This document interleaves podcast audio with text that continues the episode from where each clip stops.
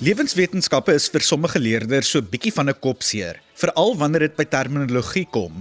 Maar vir my is dit altyd lekker, veral wanneer ek met ou gaste kan gesels, jou kan help met eksamenvoorbereiding en ek in die proses ook 'n ding of twee leer. Hallo hallo, ek is Adrian Brandt en ek kuier vir die volgende paar minute saam met jou in Kompas net hier op RSG. Vanaand in die program is dit my missie om jou te help om minder kop te krap oor lewenswetenskappe se vraestel Maar as jy vir my vra om jou te help, gaan ek jou mondelik net van die wal af in die sloot help. Daarom het ek een van my ou gesoute lewenswetenskappe kenners genader om ons te help met biologie eksamenvoorbereiding. Lorraine Keen is die lewenswetenskappe departementshoof by die Genote Hoërskool in Wellington en sy is ook 'n ou stem op RSG as dit by biologie hersiening kom. Lorraine sluit nou by my aan en deel wenke vir vraestel 1 en al sy afdelings. Kompas jou rigtingaanwyser tot sukses. Lorraine, welkom op Kompas. Dit is lekker om weer met jou te gesels en lewenswetenskappe dinge te bespreek. Ek onthou nog van ons vorige gesprekke jare gelede oor dinge soos DNS en RNS, evolusie en dis meer. En uh, een lewenswetenskappe term wat ek nou die dag weer vir die eerste keer in 'n lang tyd gehoor het, was mitokondriale DNA. Maar um, genoeg geklets. Ons gesels vanaand spesifiek oor lewenswetenskappe se vraestel 1 en uh, ek hoop dat die matrikulante teen nou al behoort te weet wat om in hierdie vraestel te verwag. Maar wil jy nie vinnig vir hulle weer herinner wat die verskillende afdelings en inhoud is wat hulle in vraestel 1 kan verwag nie? Watter raad het jy vir die leerders met betrekking tot dit? Ja, hallo Aryan, dis lekker om weer met jou te gesels in met die matrieks. Ja, al ons gesprekke van vroeër En dan soos jy sê, is ons vanaand in vraestel 1. Ons matriek is sekerlik nou besig met hulle rekordeksamen en wat jy nou leer is 'n belegging in die NSS aan die einde van die jaar. As ons kyk na die samestelling van 'n vraestel en die punte, dan het ons twee vraestelle en ons gaan volgende keer oor vraestel 2 se inhoud praat met wenke daarvoor spesifiek. Die vraestelle is 150 minute elk, 2 en 'n half ure. So dit kom neer op 'n punt per minuut.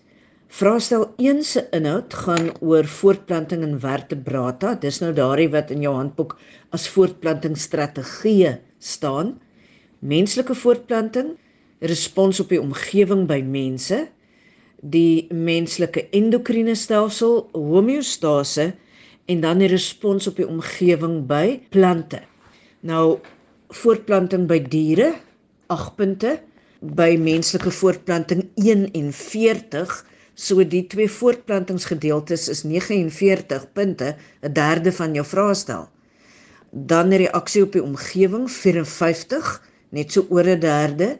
En dan word die res deur die endokriene stelsel homeostase en die plante ingeneem Lorraine, nou dat die leerders se geheue verfris is oor die inhoud en die afdelings, dink ek moet ons seker gesels oor die punte toekenning van die verskillende afdelings en miskien ook die tydsbesteding vir elke vraag. Watter raad het jy vir die leerders met betrekking tot dit? As ons by die eksamens kom en jy wil weet watter hoe jy jou tyd daar moet spandeer, dan weet jy dat 'n vraestel uit twee afdelings bestaan. Afdeling A wat die korter tipe vrae is, multikeuse, terminologie ensovoorts en dat afdeling B uit twee vrae van 50 elk bestaan met langer vrae.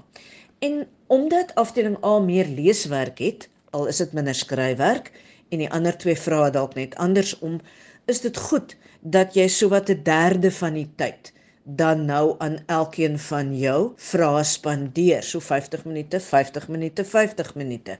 Jy hoef nie te jaag nie, maar jy kan ook nie sit te speel nie. Belangrikste is dat jy 'n vraag sal lees en dis jou vraestel. Gebruik 'n glimpen of 'n jou eie pen, liniaal, potlood en merk die sleutelbegrippe in 'n vraag. Soos ek verstaan, word die rekordeksamens oftewel die September eksamens opgestel deur die leerders se lewenswetenskappe onderwyser terwyl die eindeksamens natuurlik deur die nasionale onderwysdepartement opgestel word. Kan ons vlugtig gesels oor die moeilikheidsgraad van vraestel 1 in die September eksamen en dan ook hoe dit in die eindeksamens verskil?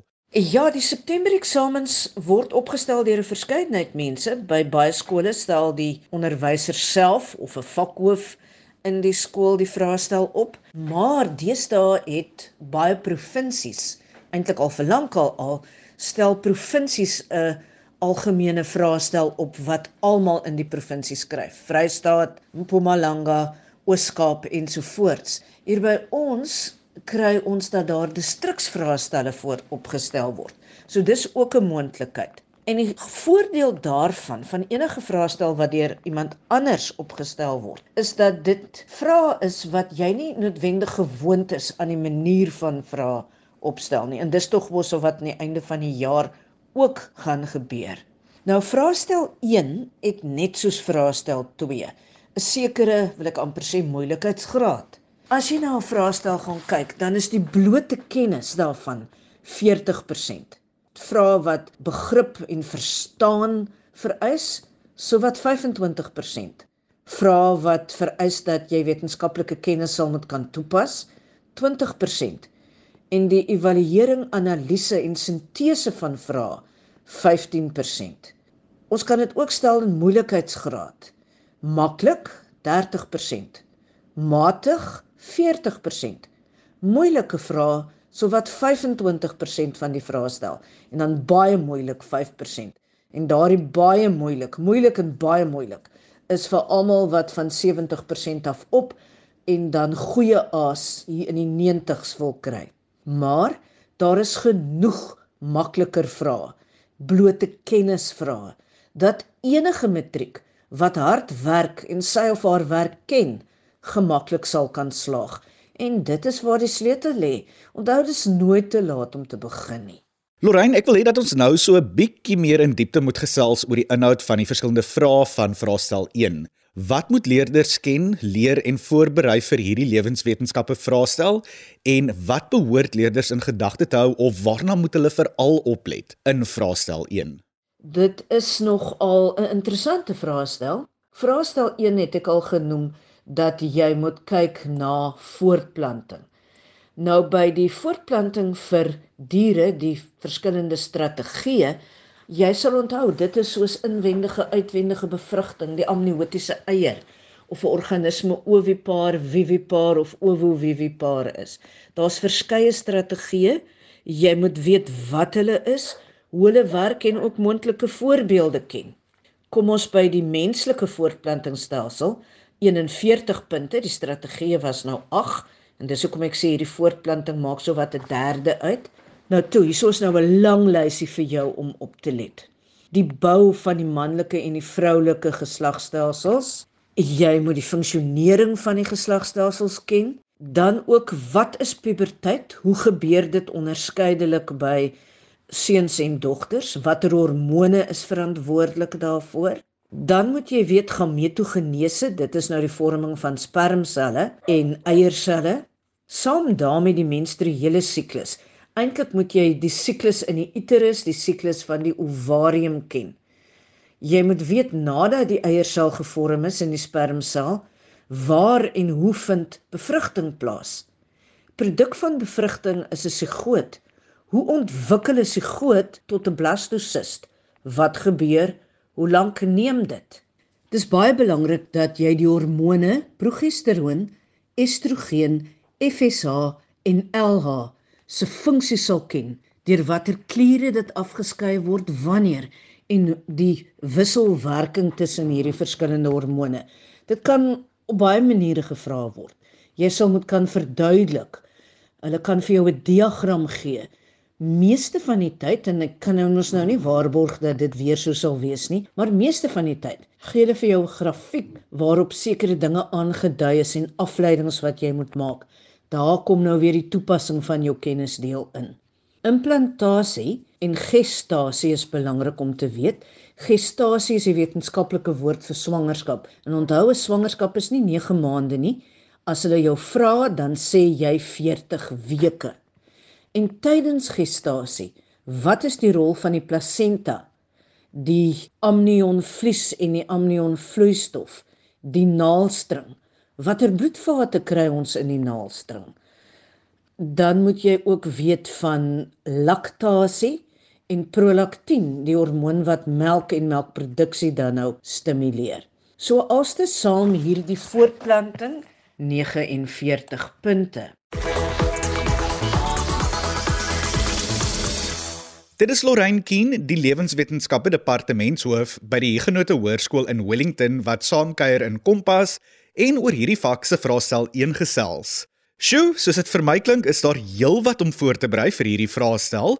Daar is egter nog 'n paar onderwerpe wat jy moet leer en Lorraine gaan nou-nou vir ons meer daarvan vertel.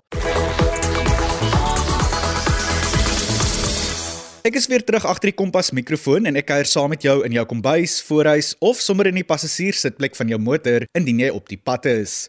Ek is Adrian Brandt en ek kuier vir die laaste paar minute saam met jou in Kompas net hier op RSG.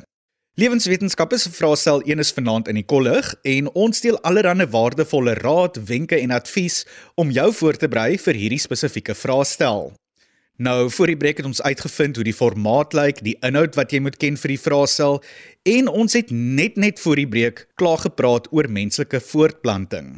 Lorraine Keen, die lewenswetenskappe departementshoof by die Huguenot Hoërskool in Wellington, kuier steeds saam en ek hoop dat jy weer sommer 'n paar bakgat aantekeninge gaan maak want sy vertel nou meer van die ander inhoud van lewenswetenskappe se vraestel 1 en ons deel ook dan sommer so 'n paar waardevolle wenke met jou. Presteer, leer en blink uit met Kompas. Jou volgende onderwerp het jy waarskynlik in kwartaal 2 gedoen volgens die voorgeskrewe beplanning en dit gaan oor 'n respons op die omgewing by mense. En dit graad 12 se weet jy mos nou is die menslike senuweestelsel Dis die sentrale senuweestelsel, die perifere senuweestelsel en die autonome senuweestelsel. En miskien net gou hier, baie keer gebruik hulle SSS om die sentrale senuweestelsel wat 'n lang woord is, mee aan te dui. Onthou, dis nie 'n amptelike afkorting nie. Jy mag SSS gebruik in 'n langer vraag as jy eers gesê het dit staan vir sentrale senuweestelsel. Daar's enkele afkortings wat jy kan gebruik. Ek het verwys na die hormone LH en FSH en dan natuurlik ook DNA en RNA en ATP. Maar verder moet jy eers sê waarvoor jou afkorting staan. Goed. Refleksboog, die bou daarvan, die werking. En terwyl ek praat oor refleksboog, ons kry ook refleksresponse of refleksaksies. En dit is prosesse wat beheer word deur byvoorbeeld die medulla oblongata, soos asemhaling en hartklop. Die refleksboog en refleksreaksies is hierdie een wat jy moet ken, soos byvoorbeeld wanneer jy jou vinger op 'n warm stoofplaat brand. Wat hy daar soek is 'n ander saak, né? Dan moet jy ook weet van die ehm um, verskillende toestande of siektes wat ons by die senuweestelsel kan kry. Dalk die invloed van dwelms, alkohol, um Alzheimer se siekte, so gaan gerus daardeur ook.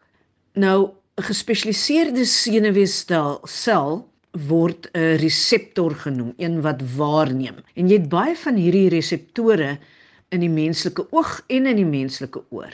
Graad 12 ken die bou van die menslike oog van voorgesien en ook in 'n lengtesnee. Weet wat elke deel se funksie is. En dan spesifiek prosesse wat by die mense oog gevra word. Pupilmeganisme en akkommodasie. Die wenk hier, pupilmeganisme wanneer daar lig betrokke is. Helder lig, donkerte. Akkommodasie wanneer daar afstand betrokke is. Soos wat ek hier sit te praat met Arian, kyk ek op na my rekenaar om seker te maak dat ek al die konsepte met jou bespreek en dan kyk ek af na waar ek my notas maak. My oog moet akkommodeer. Jy verstaan waarvan ek praat. Nadat ons die senuweestelsel en die sintuie gedoen het, kom ons by die menslike endokriene stelsel. Daar moet jy weet wat die verskil tussen die endokriene en eksokriene klier is. Watter kliere daar is wat deel vorm van die endokriene stelsel. Watter hormone afgeskei word Wat is 'n hormoon? Hoekom word dit so genoem? Wat is die funksies van die verskillende hormone wat jy moet ken?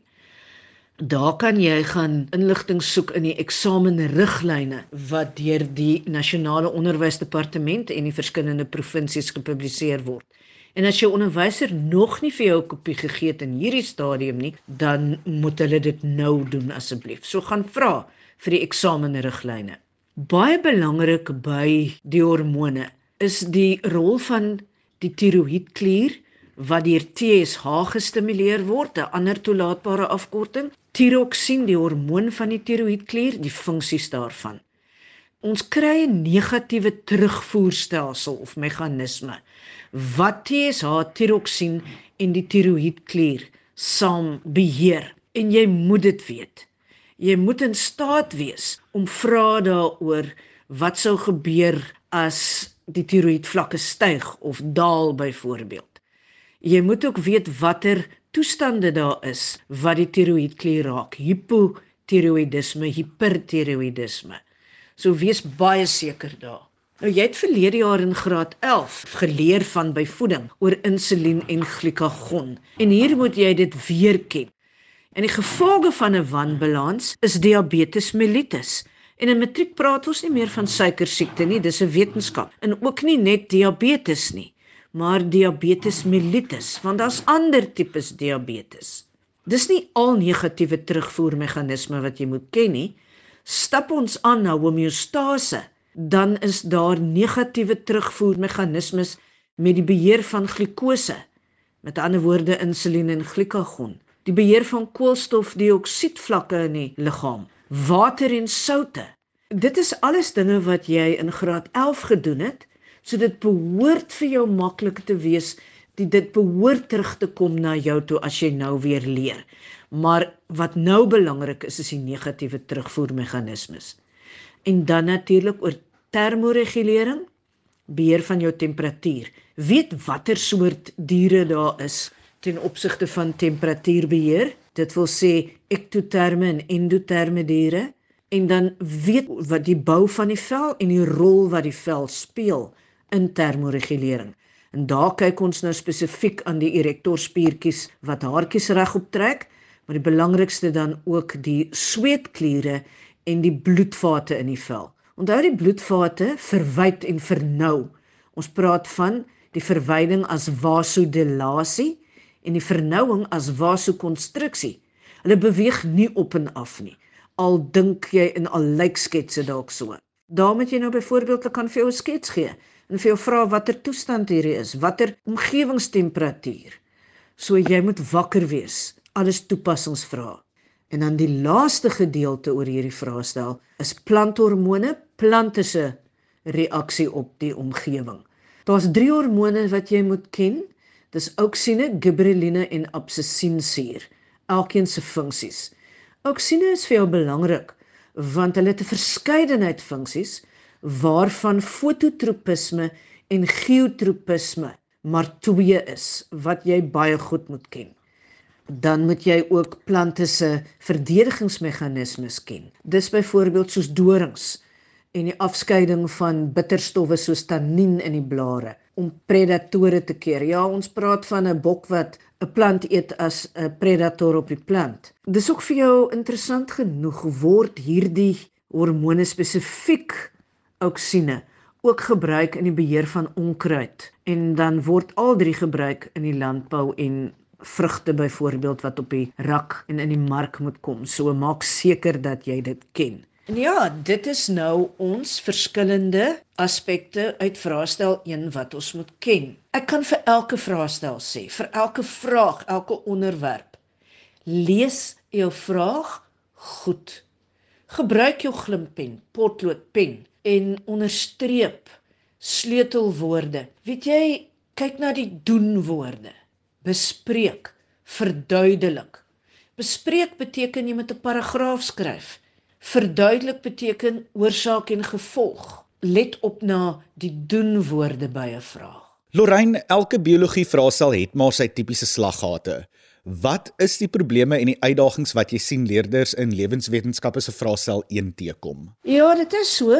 Elke vraestel het maar sy slaggate, of dit nou lewenswetenskap of enige ander vak is. In vraestel 1, soos ek gesê het, moet jy baie seker maak van jou hormoonsiklus.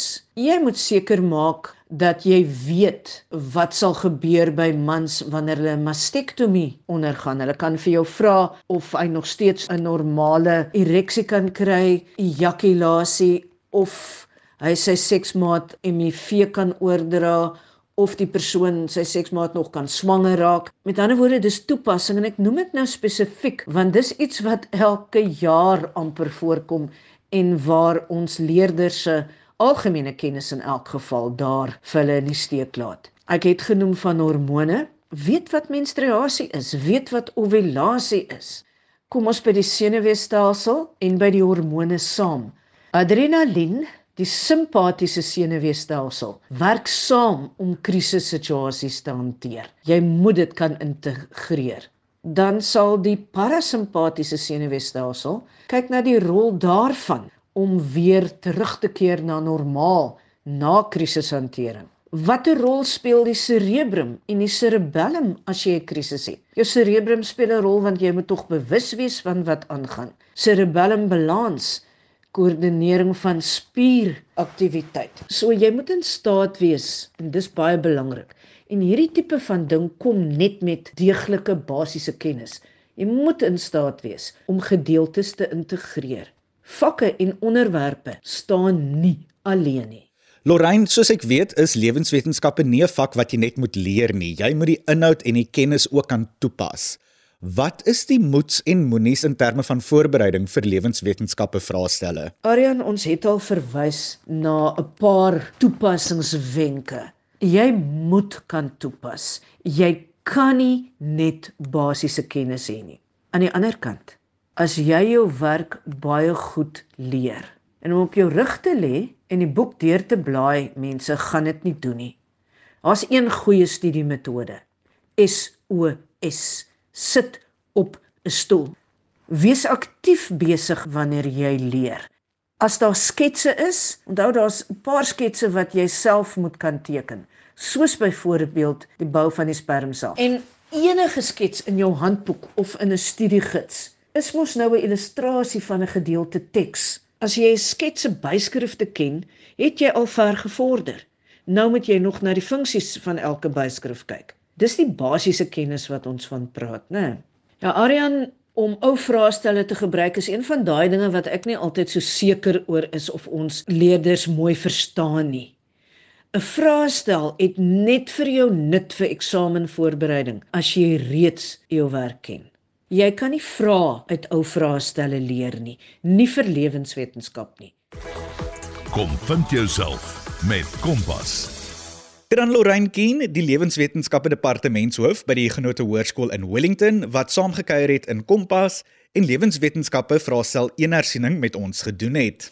Na vanaand se gesprek is ek seker daarvan dat jy nou goed toegerus is vir hierdie vraestel wat jy later vanjaar aflê in die eindeksamens. Onthou om sommer vanaand se program ook dan te potgooi om juis weer daarna te luister kort voor daardie belangrike eksamen.